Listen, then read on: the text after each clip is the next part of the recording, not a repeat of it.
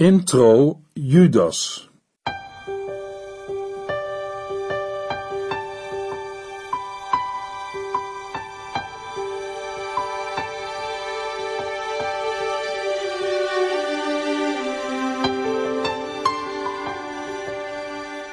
Hartelijk welkom bij De Bijbel Door, een programma van Transworld Radio. De Bijbel Door is een radioserie die u in vijf jaar meeneemt door de hele Bijbel. Van Genesis 1 tot Openbaring 22.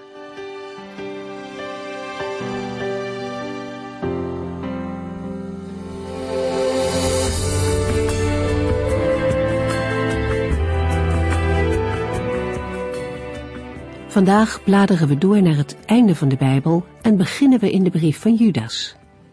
Het lijkt een hele stap van Sefania naar Judas, en als we kijken naar de tijd is dat ook zo. Er zitten eeuwen tussen deze mannen, en wij leven nog weer in een veel latere tijd. Toch komen deze Bijbelschrijvers met hun boodschap van de Here heel dicht bij ons. Hun woorden lijken maar al te vaak met het oog op onze tijd geschreven. In Zefania hebben we nagedacht over de geestelijke laksheid van Gods volk. Hun leven draaide niet om de Here, maar om zichzelf. De gelovigen die wel op de Here vertrouwden, waren ver in de minderheid, maar ze waren er en de Here zag hen. Voor hen gold de oproep om standvastig te blijven tot het einde. Want Zefania profeteert in heldere taal over het komen van Gods oordeel, ook over Jeruzalem. Het was niet genoeg om in naam bij Gods volk te horen. Het gaat om het hart. Stefania's profetie heeft in eerste instantie betrekking op de Babylonische ballingschap, maar wijst ook naar de definitieve grote dag van de Here. We gaan de komende dagen verder in Judas. Deze broer van de Heer Jezus wilde graag over de mooie dingen van het christelijk geloof schrijven, maar hij komt toch met een andere boodschap. Hij kon niet anders dan zijn lezers dringend aanvuren om te blijven bij de Here en bij zijn woord, omdat er toen al allerlei dwalingen rondgingen die het christelijk geloof ondermijnden. Laat uw allerheiligst geloof sterker worden, schrijft Judas aan het einde van zijn brief. Houd vast aan de Here en aan zijn woord. Dat gold in de dagen van Sefania, in de dagen van Judas en het is ook voor ons die nog dichter bij de wederkomst van Christus staan. We gaan beginnen met een inleiding op de brief van Judas.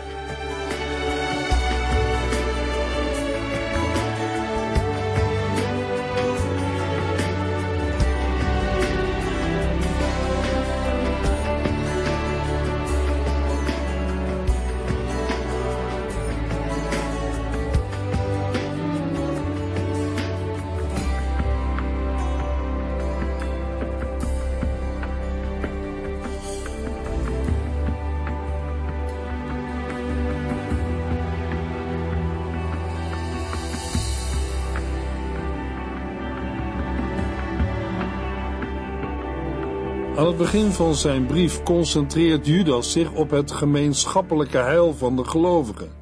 Maar vervolgens voelt hij zich gedwongen hen aan te sporen om te strijden voor het geloof.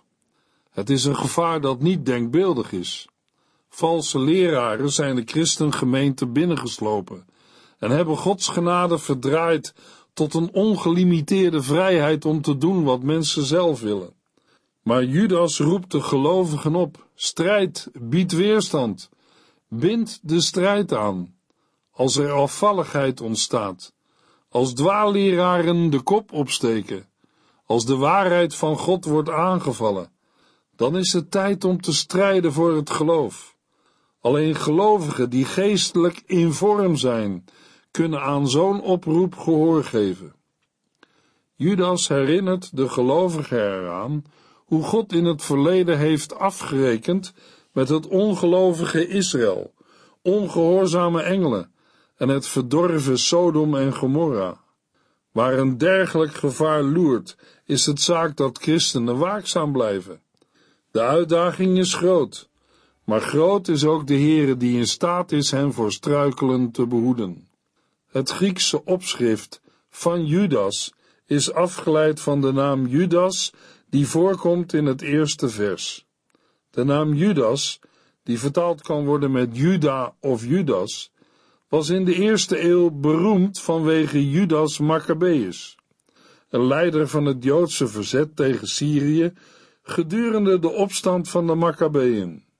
Ondanks de beperktheid van het onderwerp en de omvang van het Bijbelboek werd de brief van Judas door de vroege kerkvaders als echt aanvaard en geciteerd. Er zijn misschien nog een paar oudere toespelingen, maar onbetwiste verwijzingen naar deze brief duiken op gedurende de laatste 25 jaar van de tweede eeuw. De brief van Judas werd opgenomen in de kanon van Muratori en door bekende vroege kerkvaders als Tertullianus en Origenes aanvaard als een deel van de Heilige Schrift, Gods Woord, de Bijbel. Toch ontstonden er twijfels over de plaats van de brief van Judas binnen de lijst van boeken van het Nieuwe Testament. Dit vanwege het gebruik van citaten uit de apocryfe of deuterocanonieke boeken van de Bijbel. Het waren boeken waarvan niet algemeen het getuigenis gold dat ze tot de boeken van de Bijbel behoorden. Het gevolg daarvan was dat in bepaalde delen van de christelijke kerk het Bijbelboek Judas omstreden was, maar uiteindelijk wist het toch algemene erkenning te verkrijgen. De schrijver noemt zichzelf een dienaar van Jezus Christus en een broer van Jacobus. Deze benaming, samen met de verwijzing naar de apostelen in Judas 1 vers 17, maakt het onwaarschijnlijk dat de schrijver van deze brief de apostel Judas is, die in Lucas 6 vers 15 Judas de zoon van Jacobus wordt genoemd, net als in Handelingen 1 vers 13. De mogelijkheid die overblijft is de traditionele opvatting dat Judas een van de broers van de Heer Jezus was, degene die wordt genoemd in Matthäus 13 en Marcus 6. In Matthäus 13 lezen we over de Heer Jezus, die spreekt in de synagoge van Nazareth. We lezen in Matthäus 13 vers 54b tot en met 56a. Iedereen verbaasde zich over zijn wijsheid en de wonderen die hij deed. Hoe is dit mogelijk, zeiden zij daar. Hij is toch de zoon van onze timmerman? En wij kennen allemaal zijn moeder Maria en zijn broers Jacobus, Jozef, Simon en Judas. Zijn zusters wonen hier ook. Zijn oudere broer Jacobus was de bekende leider van de christelijke gemeente van Jeruzalem en de schrijver van de brief van Jacobus, die zijn naam draagt. Net als zijn broers geloofde Judas voor de opstanding niet in Jezus. De enige andere toespeling die de Bijbel maakt, vinden we in 1 Corinthians 9 vers 5, waar vermeld wordt dat de broers van de Heer Jezus hun vrouwen meenamen op hun zendingsreizen. De Judas van Handelingen 15 is mogelijk nog een andere verwijzing naar de Judas, de schrijver van deze brief. De buitenbijbelse traditie voegt aan onze beperkte kennis van Judas niets toe. De algemene adressering van de brief van Judas geeft geen bepaalde groep lezers aan. En er zijn ook geen geografische beperkingen. Toch had hij waarschijnlijk een bepaald gebied in gedachten dat te lijden had onder dwaalleraren. De brief bevat niet genoeg informatie om de vraag of zijn lezers voornamelijk uit Joodse of niet-Joodse christenen bestonden, definitief te beantwoorden. Waarschijnlijk gaat het om een mengeling van beide. In elk geval werd de voortgang van het geloof in hun gebied bedreigd door een aantal afvalligen die Christus verwierpen. Deze hoogmoedige vrijdenkers waren vooral gevaarlijk vanwege hun bedrieglijke vleierij en hun infiltratie in de christelijke samenkomsten. Ze verdraaiden de genade van God en veroorzaakten verdeeldheid binnen de gemeente. De beschrijving van deze ketters door Judas doet denken aan die in 2 Petrus 2 en leidt tot de vraag wat de relatie tussen de twee brieven is. De grote overeenkomst tussen 2 Petrus 2 en Judas 1 kan nauwelijks toevallig zijn. Maar de al even in het oog lopende verschillen sluiten de mogelijkheid uit dat het ene stuk eenvoudigweg een kopie is van het andere. Het is eveneens twijfelachtig dat beide schrijvers onafhankelijk van elkaar een onbekende derde bron hebben gebruikt. Er blijven dan nog twee mogelijkheden over, namelijk of Petrus heeft Judas gebruikt of Judas Petrus. Voor beide opvattingen zijn voorstanders te vinden en van beide kanten zijn een aantal argumenten naar voren gebracht.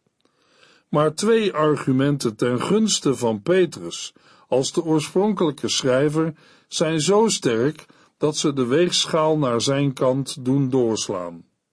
Als eerste is te noemen dat een vergelijking van de twee Bijbelboeken laat zien dat 2 Petrus het toekomstige optreden van de afvallige leraren aankondigt, terwijl Judas melding maakt van de werkelijke vervulling van de woorden van Petrus.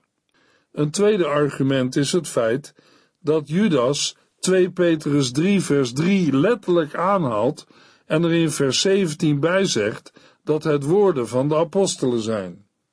Omdat het Nieuwe Testament en de christelijke traditie zwijgen over de latere jaren van Judas, is het onmogelijk te weten waar de brief van Judas is geschreven. Ook is er geen enkele zekerheid te krijgen omtrent de datum van schrijven. Als wordt aangenomen dat 2 Petrus ouder is, dan moeten we de tijd van ontstaan vermoedelijk zoeken in de periode tussen 66 en 80 na Christus. Het feit dat Judas niets zegt over de verwoesting van Jeruzalem bewijst nog niet dat hij zijn brief heeft geschreven voor het jaar 70 na Christus. In tegenstelling tot degenen die door hun losbandigheid en hun verloochening van Christus al veroordeeld zijn, is de gelovige voor Jezus Christus bewaard. Judas spoort zijn lezers aan zichzelf te bewaren door vast te houden aan de liefde van God en de goedheid van Christus te blijven verwachten, die u het eeuwige leven schenkt. Maar tegelijkertijd kan God ervoor zorgen dat u niet struikelt. Hij kan u zo ver brengen dat u zonder gebreken en vol blijdschap voor zijn schitterende troon komt te staan. Een sleutelwoord voor het begrijpen van de brief van Judas kan zijn strijd voor het geloof. Deze brief houdt zich intens bezig met de bedreiging die dwaalleraren voor de gemeente inhouden en met de juiste reactie van de gelovigen op die bedreiging. De inhoud laat twee hoofddoelen zien. Ten eerste de veroordeling van de goddeloze vrijdenkers die de christengemeente teisterden en een gevaar opleverden voor de gelovigen. Ten tweede de vermaning van de lezers om standvastig te blijven, te groeien in hun geloof en te strijden voor de waarheid. Judas zegt weinig concreets over de leerstellingen van de genoemde vrijdenkers, maar ze hebben waarschijnlijk met een bepaalde stroming van het gnosticisme te maken. De ketterij van de gnostiek leerde dat de materie van nature kwaad is, en dat een goddelijk wezen daarom niet de gestalte van een mens aan kon nemen. Dat resulteerde in het maken van een onderscheid tussen de mens Jezus en de geestelijke Christus, die op Jezus neerdaalde bij zijn doop, maar hem voor zijn kruisiging weer verliet. Een variant daarbij was de opvatting dat Christus alleen maar voor de schijn een menselijk lichaam had. In beide gevallen was het resultaat hetzelfde, namelijk een absolute ontkenning van de menswording van Jezus. De gnostici, de aanhangers van deze dwaalleer, geloofden ook dat hun inzicht in de verborgen kennis hen tot een soort geestelijke elite maakte, die boven het gewone onderscheid tussen goed en kwaad verheven was. Dit leidde in de meeste gevallen tot betreurenswaardig gedrag en een volstrekte onverschilligheid ten aanzien van de christelijke ethiek. In Judas 1 vers 4 schrijft Judas, Ik zeg dit omdat er onbetrouwbare mensen zijn binnengedrongen die beweren dat wij er maar op los kunnen leven. Volgens hen is Gods genade zo groot dat hij alles door de vingers ziet. Het staat al lang vast dat mensen die dit zeggen en toepassen, daarvoor veroordeeld zullen worden. Zij weigeren Jezus Christus als leider en Heer van hun leven te erkennen. Een ander voorbeeld vinden we in Judas 1, vers 11 tot en met 13, waarvan de dwaalleraren door Judas wordt gezegd: Het ziet er heel slecht voor hen uit. Zij volgen het voorbeeld van Kain, die zijn broer vermoordde. Ze zijn net als Biliam, die zich voor geld overgaf aan bedrog. Ze gaan Korach achterna, die tegen God in opstand kwam en dat met de dood moest bekopen. Deze mensen bederven de feestelijke maaltijden die u met elkaar houdt. Het is hun alleen om eten en drinken begonnen. Zij schamen zich nergens voor en denken alleen maar aan zichzelf. Ze zijn als wolken die over dorstig land drijven, zonder regen te geven.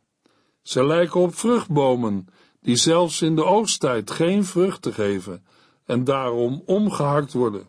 Al het leven is eruit. Ze zijn net als woeste golven op zee die schuimkoppen krijgen. Ze laten zich zo door hun schandelijke begeerte opzwepen, dat er allerlei vuiligheid naar boven komt. Dwaalsterren zijn het, die hun einde zullen vinden in de eeuwige duisternis. Ten slotte lezen we over hen in Judas 1, vers 17 tot en met 19. Vergeet niet, vrienden, wat de apostelen van onze Heer Jezus Christus vroeger hebben gezegd. Tegen het einde van de tijd zullen er spotters komen, die zich aan hun onreine verlangens overgeven. Het zijn mensen die verdeeldheid zaaien. Ze zijn alleen op het wereldse gericht en hebben de geest van God niet. De lezers van de brief van Judas worden ook aangespoord zich over degene die door deze leraren zijn misleid te ontfermen. Een sleutelvers van de brief van Judas kan Judas 1 vers 3 zijn, waar Judas schrijft, Vrienden, ik was begonnen u te schrijven over de bevrijding die wij allemaal hebben ervaren. Maar nu zie ik mij genoodzaakt eerst over iets anders te beginnen. Ik roep u op te strijden voor het geloof dat God gegeven heeft aan wie hem toebehoren. Als we nog wat dieper ingaan op de inhoud van de brief van Judas, dan ontdekken we dat er een verrassend groot aantal van de brieven van Paulus zijn, als ook van andere nieuwtestamentische apostelen, waarin problemen aan de orde komen die dwaalleraren in de verschillende christengemeenten veroorzaken. Bijna alle brieven in het Nieuwe Testament maken er toespelingen op. Maar Judas gaat in zijn meedogenloze en hartstochtelijke veroordeling van de afvallige leraren die zijn binnengedrongen, verder dan alle andere brieven van het Nieuwe Testament. Met uitzondering van de aanhef en de groet en de lofprijzing draait de hele inhoud van de brief om de problemen die de onbetrouwbare mensen die zijn binnengedrongen hebben veroorzaakt. Judas combineert het thema van de tweede brief van Petrus met de stijl van de apostel Jacobus. Daarmee is de brief van Judas weliswaar kort, maar toch zeer dringend en krachtig. Vooral vers 3 onderstreept deze gedachte, omdat uit vers 3 blijkt dat Judas al was begonnen aan een andere brief, zoals hij zelf aangeeft in vers 3, over de bevrijding die wij allemaal ervaren. Blijkbaar is het zo geweest dat terwijl Judas bezig was de gelovigen een brief te schrijven over hun redding en behoud, hem ter oren kwam dat hun christen zijn werd bedreigd door dwaalleraren. Judas zag zich genoodzaakt eerst over iets anders te beginnen. Daarom lezen we aan het slot van vers 3: Ik roep u op te strijden voor het geloof dat God gegeven heeft aan wie hem toebehoren. Judas schrijft dit omdat er mensen zijn binnengedrongen die beweren dat wij er maar op los kunnen leven. Volgens hen is Gods genade zo groot dat hij alles door de vingers ziet. Deze dringende brief van Judas valt in vier onderdelen uiteen. 1. Het doel van Judas, verwoord in Judas 1, vers 1 tot en met 4. 2. De beschrijving van de dwaalleraren in Judas 1, vers 5 tot en met 16. 3. De verdediging tegen de dwaalleraren in Judas 1, vers 17 tot en met 23. En 4. de lofprijzing van Judas in Judas 1, vers 24 en 25. Als we het doel nader toelichten, dan richt Judas zich in zijn brief tot gelovigen die geroepen zijn, geheiligd en bewaard, en wenst hun een drievoudige zegen toe van genade, vrede en liefde. Slecht nieuws over het binnendringen van valse leraren in de christengemeenten heeft Judas gedwongen om met zijn commentaar over de bevrijding die wij allemaal ervaren te wachten, om deze bepaald niet overbodige woorden van vermaning en waarschuwing te schrijven. Met het oog op de afvalligen die de genade van onze God in losbandigheid veranderen en Christus verloochenen en niet erkennen, is het van doorslaggevende betekenis dat de gelovigen tot het uiterste strijden voor het geloof. In Judas 1 vers 5 tot en met 16 vinden we een beschrijving van de dwaalleraren. Judas begint zijn uitgebreide uiteenzetting over de afvallige leraren met een illustratie van hun uiteindelijke veroordeling aan de hand van drie voorbeelden van het oordeel van de Heere uit de Torah, de eerste vijf boeken van Mozes, van de Bijbel. Als redeloze dieren worden deze afvalligen overheerst door de dingen die zij lasteren en vernietigd door de dingen die zij praktiseren. Zelfs de aartsengel Michael is voorzichtiger in zijn omgang met de duivel dan deze arrogante mensen. Judas vergelijkt deze dwaalleraren met drie geestelijke rebellen uit de Bijbel. Kain uit het Bijbelboek Genesis en Biliam en Korach uit het Bijbelboek Numeri. Zij riepen het oordeel van de Heere over zich af. De versen 12 en 13 geven een korte samenvatting van het karakter van deze lieden. Judas doet dat door middel van vijf buitengewoon doeltreffende stijlfiguren of voorbeelden, ontleend aan de natuur. Nadat hij door middel van een citaat uit het niet-kanonieke boek Henoch het oordeel van God over zulke goddeloze lieden nog eens heeft bevestigd, somt Judas enkele van hun praktijk op. In het vervolg, in Judas 1, vers 17 tot en met 23, gaat Judas in op de vraag hoe de gelovigen zich tegen de dwaalleraar kunnen verdedigen. In de brief van Judas zijn de afvallige leraren aan de kaak gesteld. Maar in de versen 17 tot en met 23 richt Judas zich rechtstreeks tot zijn lezers. We lezen in vers 17: Vergeet niet, vrienden, wat de apostelen van onze Heer Jezus Christus vroeger hebben gezegd. Judas herinnert hen aan de apostolische waarschuwing dat er dergelijke mensen zouden komen en moedigt hen aan zich te beschermen tegen de oprukkende afvalligheid. De lezers moeten sterker worden en groeien in hun geloof, zodat ze in staat zullen zijn om weerstand te bieden tegen de verleidingen en hen die door de dwaling in verleiding zijn gebracht of al verstrikt zijn geraakt, te redden. Judas sluit zijn brief af met een lofprijzing. Judas eindigt met een van de mooiste lofprijzingen van de Bijbel. Hierin wordt de macht van Christus benadrukt om hen die op hem vertrouwen voor struikelen te behoeden. Judas 1, vers 24 en 25.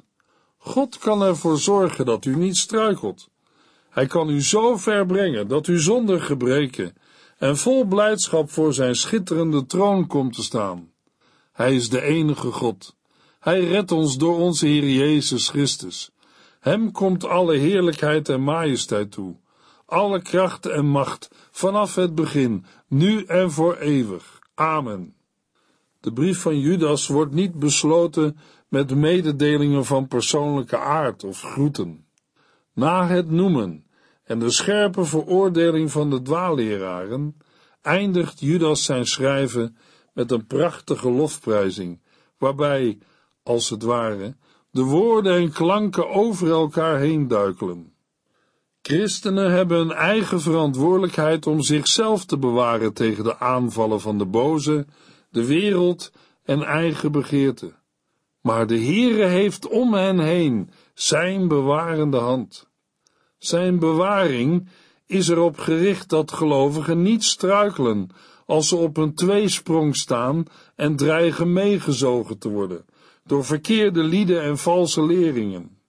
Verleiders zijn er altijd geweest en zullen er altijd weer zijn. Maar God kan de gelovigen ervoor behoeden dat zij de verkeerde keus maken.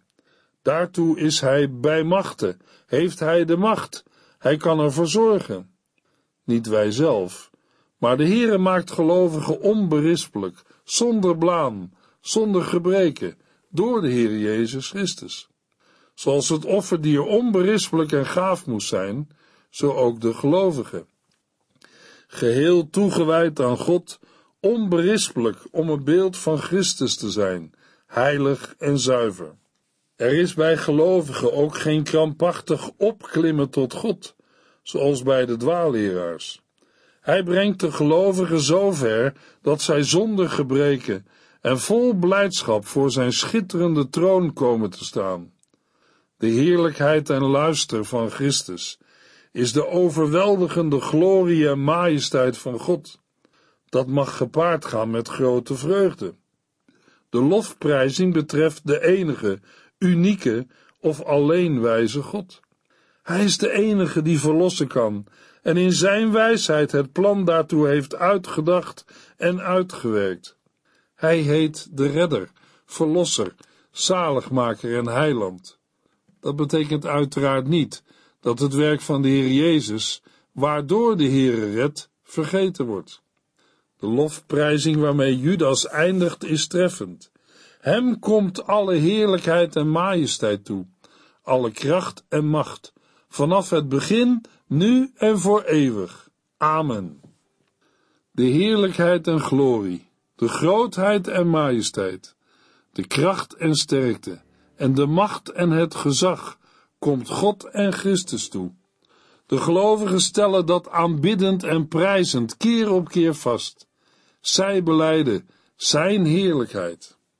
Heerlijkheid duidt op zijn uitstraling, die overweldigend is. Het is datgene wat de Heere gewichtig maakt, zijn luister en glorie. Majesteit wijst op zijn grootheid en verhevenheid, die ons sterfelijke mensen ver te boven gaat. Kracht geeft zijn oneindige sterkte en mogelijkheden van handelen aan, terwijl macht de betekenis heeft van gezag en autoriteit, de bevoegdheid tot handelen. Zo was de Heere, zo is Hij, zo zal Hij voor altijd zijn.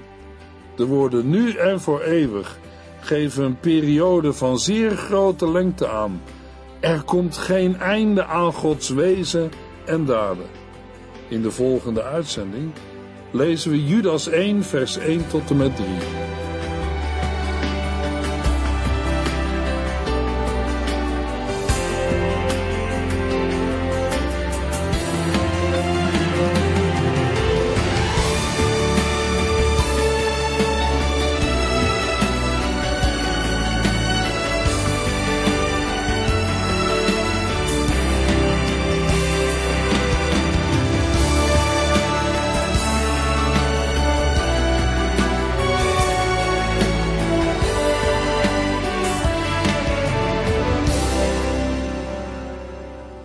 Heeft geluisterd naar De Bijbel Door. In het Nederlands vertaald en bewerkt door Transworld Radio. Een programma waarin we in vijf jaar tijd de hele Bijbel doorgaan. Als u wilt reageren op deze uitzending of u heeft vragen, dan kunt u contact met ons opnemen. Tijdens kantooruren kunt u bellen op 0342 47 8432. 0342 47 8432. 32. Ook kunt u een e-mail sturen naar de Bijbel door transworldradio.nl en natuurlijk kunt u ook via de post ons bereiken. TWR, postbus 371, postcode 3770, AJ in Barneveld.